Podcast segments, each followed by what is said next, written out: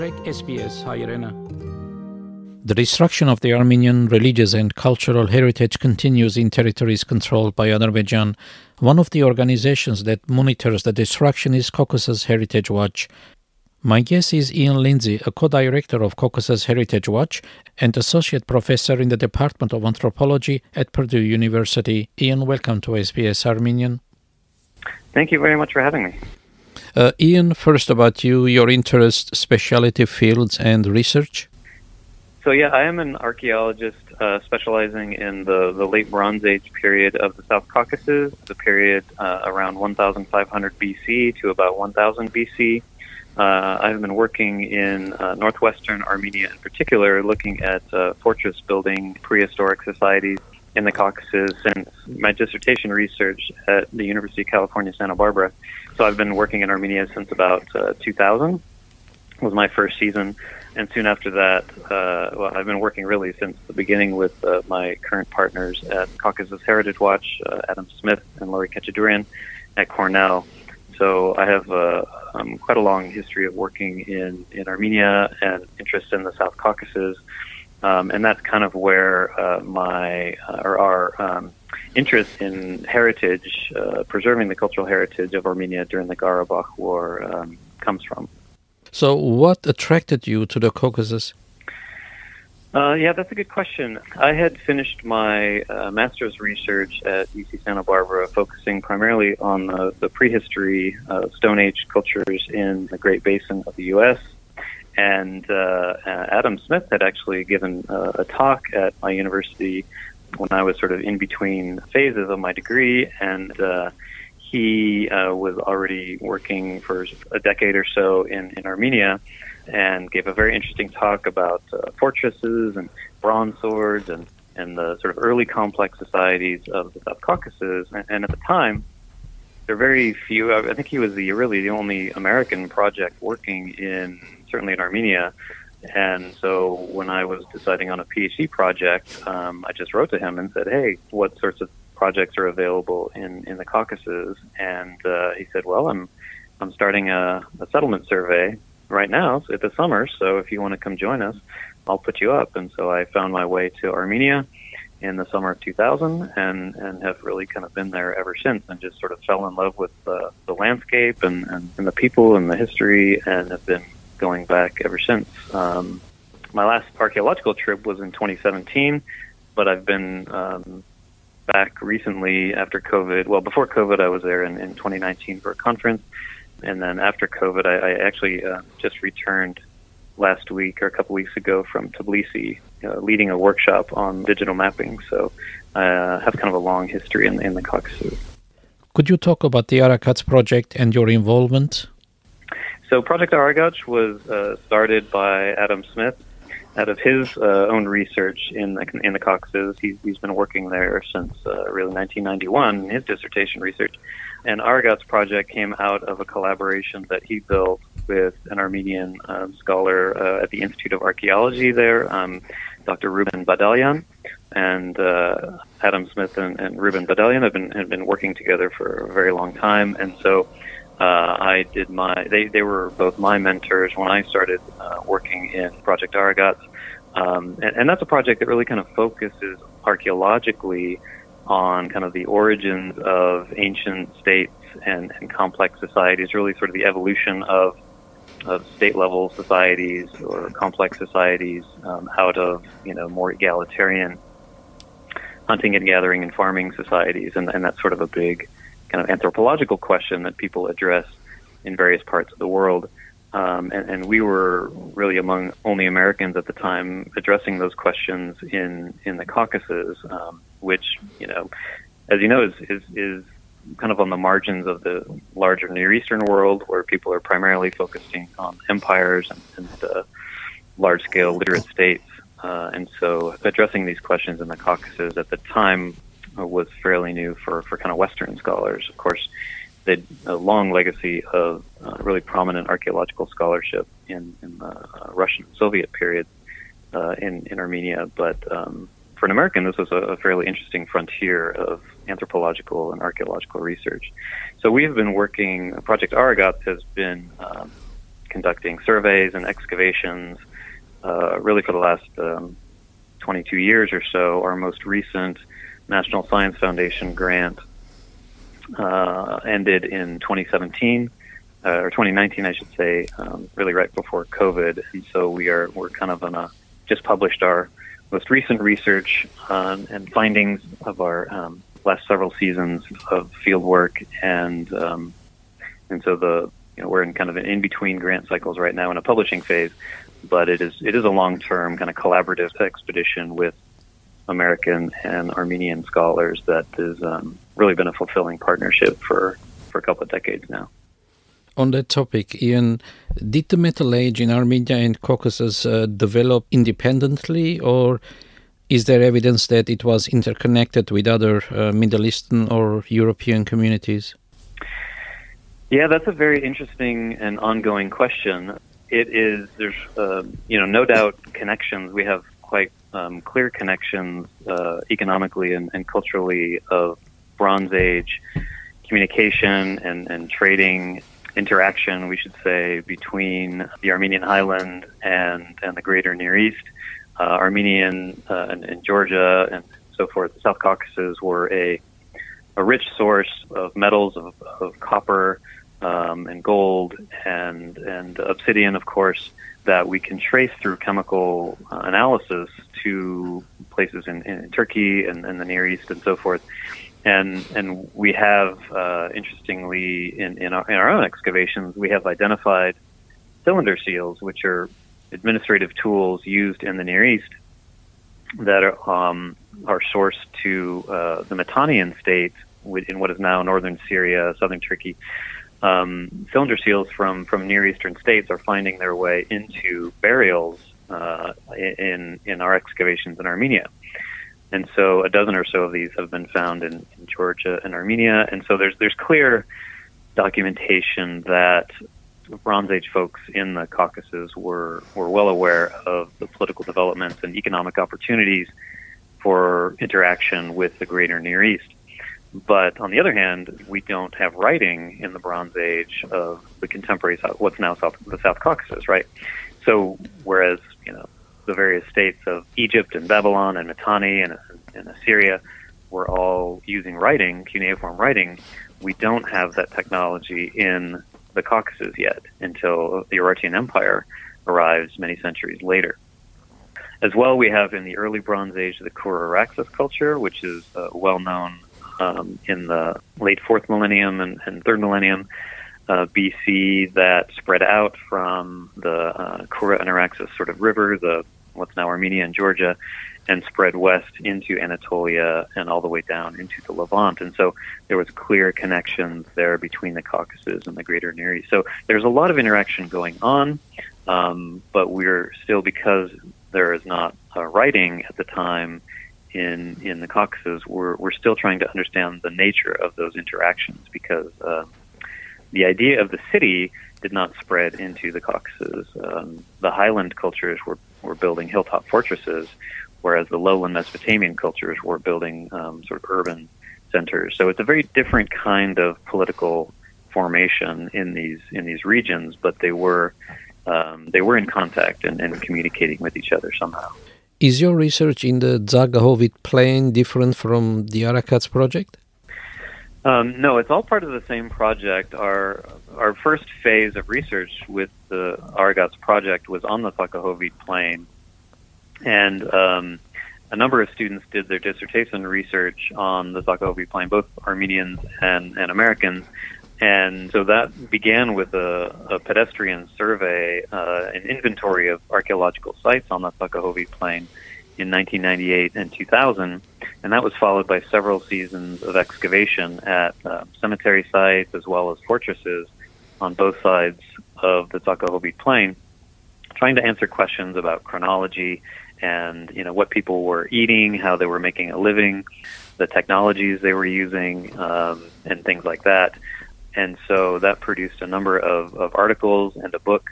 And, and then, as I was saying, the most um, recent project, comparative project that we've been working on since 2014, was to ask similar questions um, in the Upper Kasakh River Valley to the east, just neighboring the Tsaghkahovit Plain near what is now um, Aparan. So we live in the town of Aparan when we're doing our field work. And so we again started with a, a pedestrian survey, picking areas on the map and, and just kind of walking back and forth looking for archaeological sites and, and mapping them using GPS and collecting data about them. And uh, we had um, that that was a survey that lasted um, a few seasons and um, again as a way of sort of mapping the distribution of, of fortress sites, of the cemeteries around the fortresses, and uh, collecting detailed um, spatial information about uh, how these forts were laid out and, and so forth. So, um, as well as conducting excavation, text excavations at early Bronze Age components of these sites as well. So, um, we're hoping to apply for some funding to continue excavations at, at uh, some more of these fortresses um, in the future, but um, that's kind of where we stand right now. So it, it is all part of under, under the umbrella of Project Aragats. Ian, could you talk about the Caucasus Heritage Watch? Uh, when was it founded and uh, what is its mission? Sure. So Caucasus Heritage Watch uh, emerged um, as a project in the wake of the Second Karabakh War uh, in late 2020. And this is an initiative that was started by three of the co-directors of Project Aragats, myself, uh, Adam Smith, and Lori Khatchadourian. The latter two are at Cornell University. And so collectively, you know, we we're, we're sort of with the three U.S. partners, and, and there's a postdoctoral scholar from Armenia uh, working at Cornell now, um, Husik Ghulyan, who has been working on the project as well. But collectively, Adam and Lori and I have almost 75 years of collective experience, field experience in the region, and so that was we have a sort of a deep connection to uh, the South Caucasus, and, and when the war. Second War, Karabakh War broke out. We wanted to, to do something to, to contribute our, our own expertise, and we decided to start Caucasus Heritage Watch as a way of, of, of kind of keeping an eye on the fate of Armenian cultural heritage in the region. So the project has essentially two main initiatives. The first one is a historical one to to kind of study the fate of Armenian cultural monuments in um, the Nakhichevan region of Azerbaijan. And, and recently, just in September, we released a, a 430 page report on the Armenian sites uh, of Nakhichevan with the help of Husik Ghulyan. And in the spring, we hope to release a second historical report that covers the fate of Islamic, Azerbaijani, and Persian heritage sites in Nagorno Karabakh that were under Armenian jurisdiction over the past 30 years since the fall of the USSR. So that's one sort of side of the project. The, the second side of Caucasus Heritage Watch is our more sort of immediate and ongoing work that's really made all the more pressing in light of Nakhichevan historical report, and that is to monitor the fate of Armenian heritage sites on territories that were recently ceded to Azerbaijan as a result of the recent ceasefire marking the end of hostilities in late 2020. And so the comprehensive destruction of sites that we documented in Nakhichevan really demonstrated what fate might await similar in, in contemporary monuments that are in Karabakh, and, and they're really only about well less than 100 kilometers separate these two regions, and so the, the near complete erasure that we documented of Armenian heritage, Nakhchivan really sort of drives our efforts to to monitor the condition of sites in in Karabakh.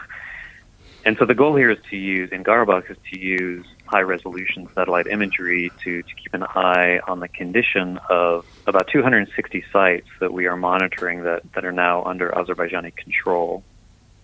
And this aspect of, of our project is, is based on regular cycles of observations from imagery that we task from commercial Earth observation satellites. In fact, we just a couple of weeks ago released our fourth monitoring report um, from our observations this summer. So that is kind of an overview of the the work that we are um, doing with Cultural Heritage Watch, and, so far we've the total impact of sites that we've seen in Karabakh. We've documented seven destroyed sites, um, eight damaged sites, and 16 sites that are under imminent threat due to um, development or road construction activities um, that are occurring after the war.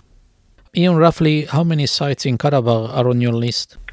We have uh, a lot of a lot of sites on the list. There are over a thousand sites on the list of, of sites that are coming from different places. So, so we're one cultural heritage organization that's operating operating out of the U.S., but but there are a number of other cultural heritage initiatives, some of which are, are contributing sites that we have kind of collected and created the database from, including partners in, in Yerevan, such as Monument Watch, which is a, a heritage monitoring team um, led by Hamlet Petrosyan at, at Yerevan State University. Um, there's a state heritage agency in Karabakh called Artsakh Monuments, an independent scholar named Simon Maghakyan, who leads an initiative called Heritage Intel, has been really instrumental in, in documenting historic sites in Nakhichevan that we built up as part of our report or continued on Armenian Heritage Development Foundation, of course, the Armenian Church. There's a, a, a lot of sources of sites, both based on on the ground observation of official site lists, of church lists, that we've compiled. But the problem is how many of these can we verify? How many of these can we actually see through satellite imagery? We have, and those that are prioritized by by heritage organizations that are, that are more capable of um, prioritizing the sites that they want to keep an eye on. We have a list of about 264 that we're able to to really see uh, through the satellite imagery, and, and of course, there's a number of sites you know, individual cars, individual smaller monuments that, that are simply not visible from space. Uh, so we're prioritizing in our efforts um, churches, cemeteries, large scale, larger scale sorts of landscapes um, that we can observe from high resolution satellite imagery. Are there any Armenian religious or historical sites still left in Nakhichevan? So what we found in our our research, again, building on, on the work of Simon Avakian and, and Sarah Pickman's recent article in uh, a journal called Hyperallergic in 2019, uh, we sort of expanded that work and, and as well as the work of an independent Armenian scholar, independent historian who did a lot of uh, documentation of Armenian cultural heritage during the Soviet years uh, and, and published an inventory of historic sites uh, that's available. And and so we we used those reports as kind of a building block to use uh, satellite imagery uh, from Nakhichevan, and we used a number of different uh, archival sources, including um, declassified satellite imagery from the U.S., uh, corona imagery from the 1960s and 70s to verify some of the sites that um, Argam Ayvazyan had, had documented and continued looking at churches and cemeteries that were documented on Soviet era topographic maps and, and other archival sources, and then compared those to the most recent kind of contemporary satellite image we, would, we could find to essentially do a forensic analysis of um, whether these sites still existed. We were able to verify about, uh, or at least identify the presence of about uh, 110 sites in Nakhichevan in our report. And what we found is that all but two of them had been completely destroyed. The sites themselves were destroyed, the construction materials were removed, the sites themselves were, were really scrubbed of all sign of the monuments that, that once existed there. Uh, and so it was, it was a, a really complete and comprehensive state sponsored campaign of, of heritage destruction on the part of the Azerbaijani government. Um, and this is what we are, are fearing will be a similar fate in, in which is sort of driving our research. So just today, actually, we we released an op-ed in journal, an online journal called Sapiens, where we summarize some of the findings of our work. But we're in, within our larger report which is about 430 pages that includes a detailed assessment, a site by site assessment of these sites that we also illustrate with ArcGIS story maps where people can look at a dynamic map and really look at the, the we lay out at a site by site level of the data sources that we used, the history of the sites, an architectural summary of the site, and then the ultimate fate of when we think the site was destroyed. And, and we're noticing that um, you know 108 Armenian monasteries, churches, cemeteries, all you know between 1997 and, and 2011. 98% of them were were essentially destroyed. So that's kind of the sad fate of, of, of those resources. And what we're sort of coming across in, in our research is essentially three categories of, of cultural destruction that that are happening, certainly in Nakhchivan in the past and, and ongoing in, in Karabakh. The first is the physical destruction of monuments, churches, cemeteries, and um, historical mansions and so forth, which we are actively monitoring using satellite imagery, and of course has been documented historically in Nakhchivan. The second form of destruction that we're seeing is more of a what we might call a narrative destruction, which is equally damaging, and, and this involves sort of the revisionist history that is an active and, and really a self-reported goal of the Azerbaijani government to write any Armenian presence out of the official history of Karabakh and Nakhchivan and really deny that Armenians ever lived there. In certain cases of certainly high profile monuments, uh, churches, and so forth, it, it, it seems to serve the state interest to keep an Armenian church standing, but what they'll do is attribute it to a mythical Caucasian Albanian past, and I'm using sort of air quotes here, which um, is manifested in, in chiseling out Armenian inscriptions on buildings that, that otherwise remain standing. So it's really sort of revising the, the Armenian history to fit some um, nationalist narratives involving Caucasian Albanians. And, and so there's also a claim, you know, that, that there's, you know, the thousands of Khachkars that are present in, in and were present in, in Nakhchivan in Armenian cemeteries are sort of artificially produced somehow. They're artificially aged to be fake, and so aren't real Armenian heritage, right? So there's there's sort of revisionist history that is really coming from the upper levels, um, from Aliyev down, to rewrite the history um, of the region. And finally, the perhaps most perniciously is, is a cultural violence that takes place when um, the Azerbaijani state is, is sort of physically segregating the Armenian populations from their sacred sites that, that we see happening um, at the end of the Second Karabakh War in the sand, lands that were ceded to them. And so, as we know, the, the significance of sites, cultural heritage sites, are, are activated not just by the memory that is elicited, but the significance is renewed through their continued use, right? The continued cultural practices that take place at these sites. So, Azerbaijan's withholding of, of pilgrimage rights to Armenian sacred sites is it's really another form of, of cultural violence that is resulting from these land transfers and, and they're not being protected by Russian peacekeepers or um, you know other heritage organizations are not allowed in to sort of assure this is happening. And, and this is something that Simon Maghakyan has stated elsewhere that, that part of preserving Armenian monuments is ensuring that Armenians can access those monuments to continue their their cultural practices. And, and so there's a number of different levels of of cultural violence that we're seeing, um, some of which we can see in satellites, and, and some of which we rely on kind of on the ground reporting um, from our, our local partners as well. Ian, is there interest in your research from international community?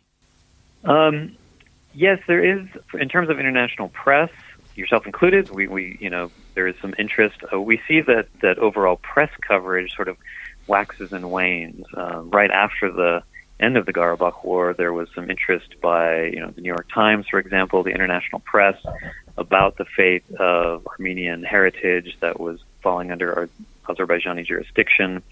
Um, though that sort of comes and goes in terms of sort of interest, um, I think more pressing to us is really kind of documenting what is going on regularly. So we want to create a database of, of ongoing impact on this. And, and so, you know, sometimes the press will pay attention, sometimes they won't. What we're doing is collecting data, and when we find impact that we think is in the public interest, we will use social media to project that out. So, for example, in our monitoring cycles, uh, we will see sites that are maybe under threat by road construction or or urban development activities, and uh, you know, and, and so we will if it, if it looks like it will help preserve the site and, and get people to pay attention, we will tweet out uh, a report about that, documenting it with satellite imagery data. Um, and, and eventually, this well, this catches the public interest in, in the general public, but uh, more importantly, it also catches the attention of international organizations like the International uh, Court of Justice. And, and, and most recently, as we've been building this database over the last year and a half or so, uh, last uh, fall, as you may know, the um, International Court of Justice uh, heard a case um, brought by Armenia against Azerbaijan that uh, where, where, the International ICJ found uh, in Armenia's favor and, and, really kind of used our data in that in the Hague essentially to to find in Armenia's favor and try to compel Azerbaijan uh, to take greater care um, uh, in their stewardship of Armenian monuments. And, and so we saw that as a hopeful, a hopeful uh, sign, and, and it really is sort of a new tack in protecting cultural heritage because um, as, as high profile as uh, UNESCO and, and other kinds of international heritage organizations are, they're generally not very, they're not really equipped to take um, uh, sort of punitive measures and hold state actors to account when they damage uh, the cultural heritage, particularly within their own borders. So, seeing the International Court of Justice, the the um, International Criminal Court, even uh, take an interest in heritage issues, is we see this as a new venue for protecting cultural heritage that is, you know, not just sort of a a state by state issue, but it is an issue of human rights. Uh, the International Court of Justice suit was brought against Azerbaijan under terms of the Convention for the Elimination of Racial Discrimination. So it really becomes sort of a racial equity issue um, and a religious equity issue. Uh, the United States State Department uh, also took uh, note of, of, our, of our data and mentioned it in a report this last summer on religious freedom in Azerbaijan. And so larger state institutions, international institutions, are starting to take notice, um, even if it's sort of not on the headlines of, of newspapers and, and so forth. We try to be judicious about the impacts that we project over social media because we realize there is such a thing as um, outrage fatigue, where you know at first people are really sort of we're, we're getting a lot of engagement, but, but we don't want to sort of flood social media with sites that we're looking at, and you know, because we realize there is a, sort of a fatigue level that we want to sort of maintain a steady interest in in the work that we're doing. Ian, thank you for your time and the interview. Uh, we covered a lot of ground and talked about uh, interesting topics from the Iron Age to the modern days. Talk to you again and uh, wish you all the best. Okay, thank you for your interest. I appreciate your time.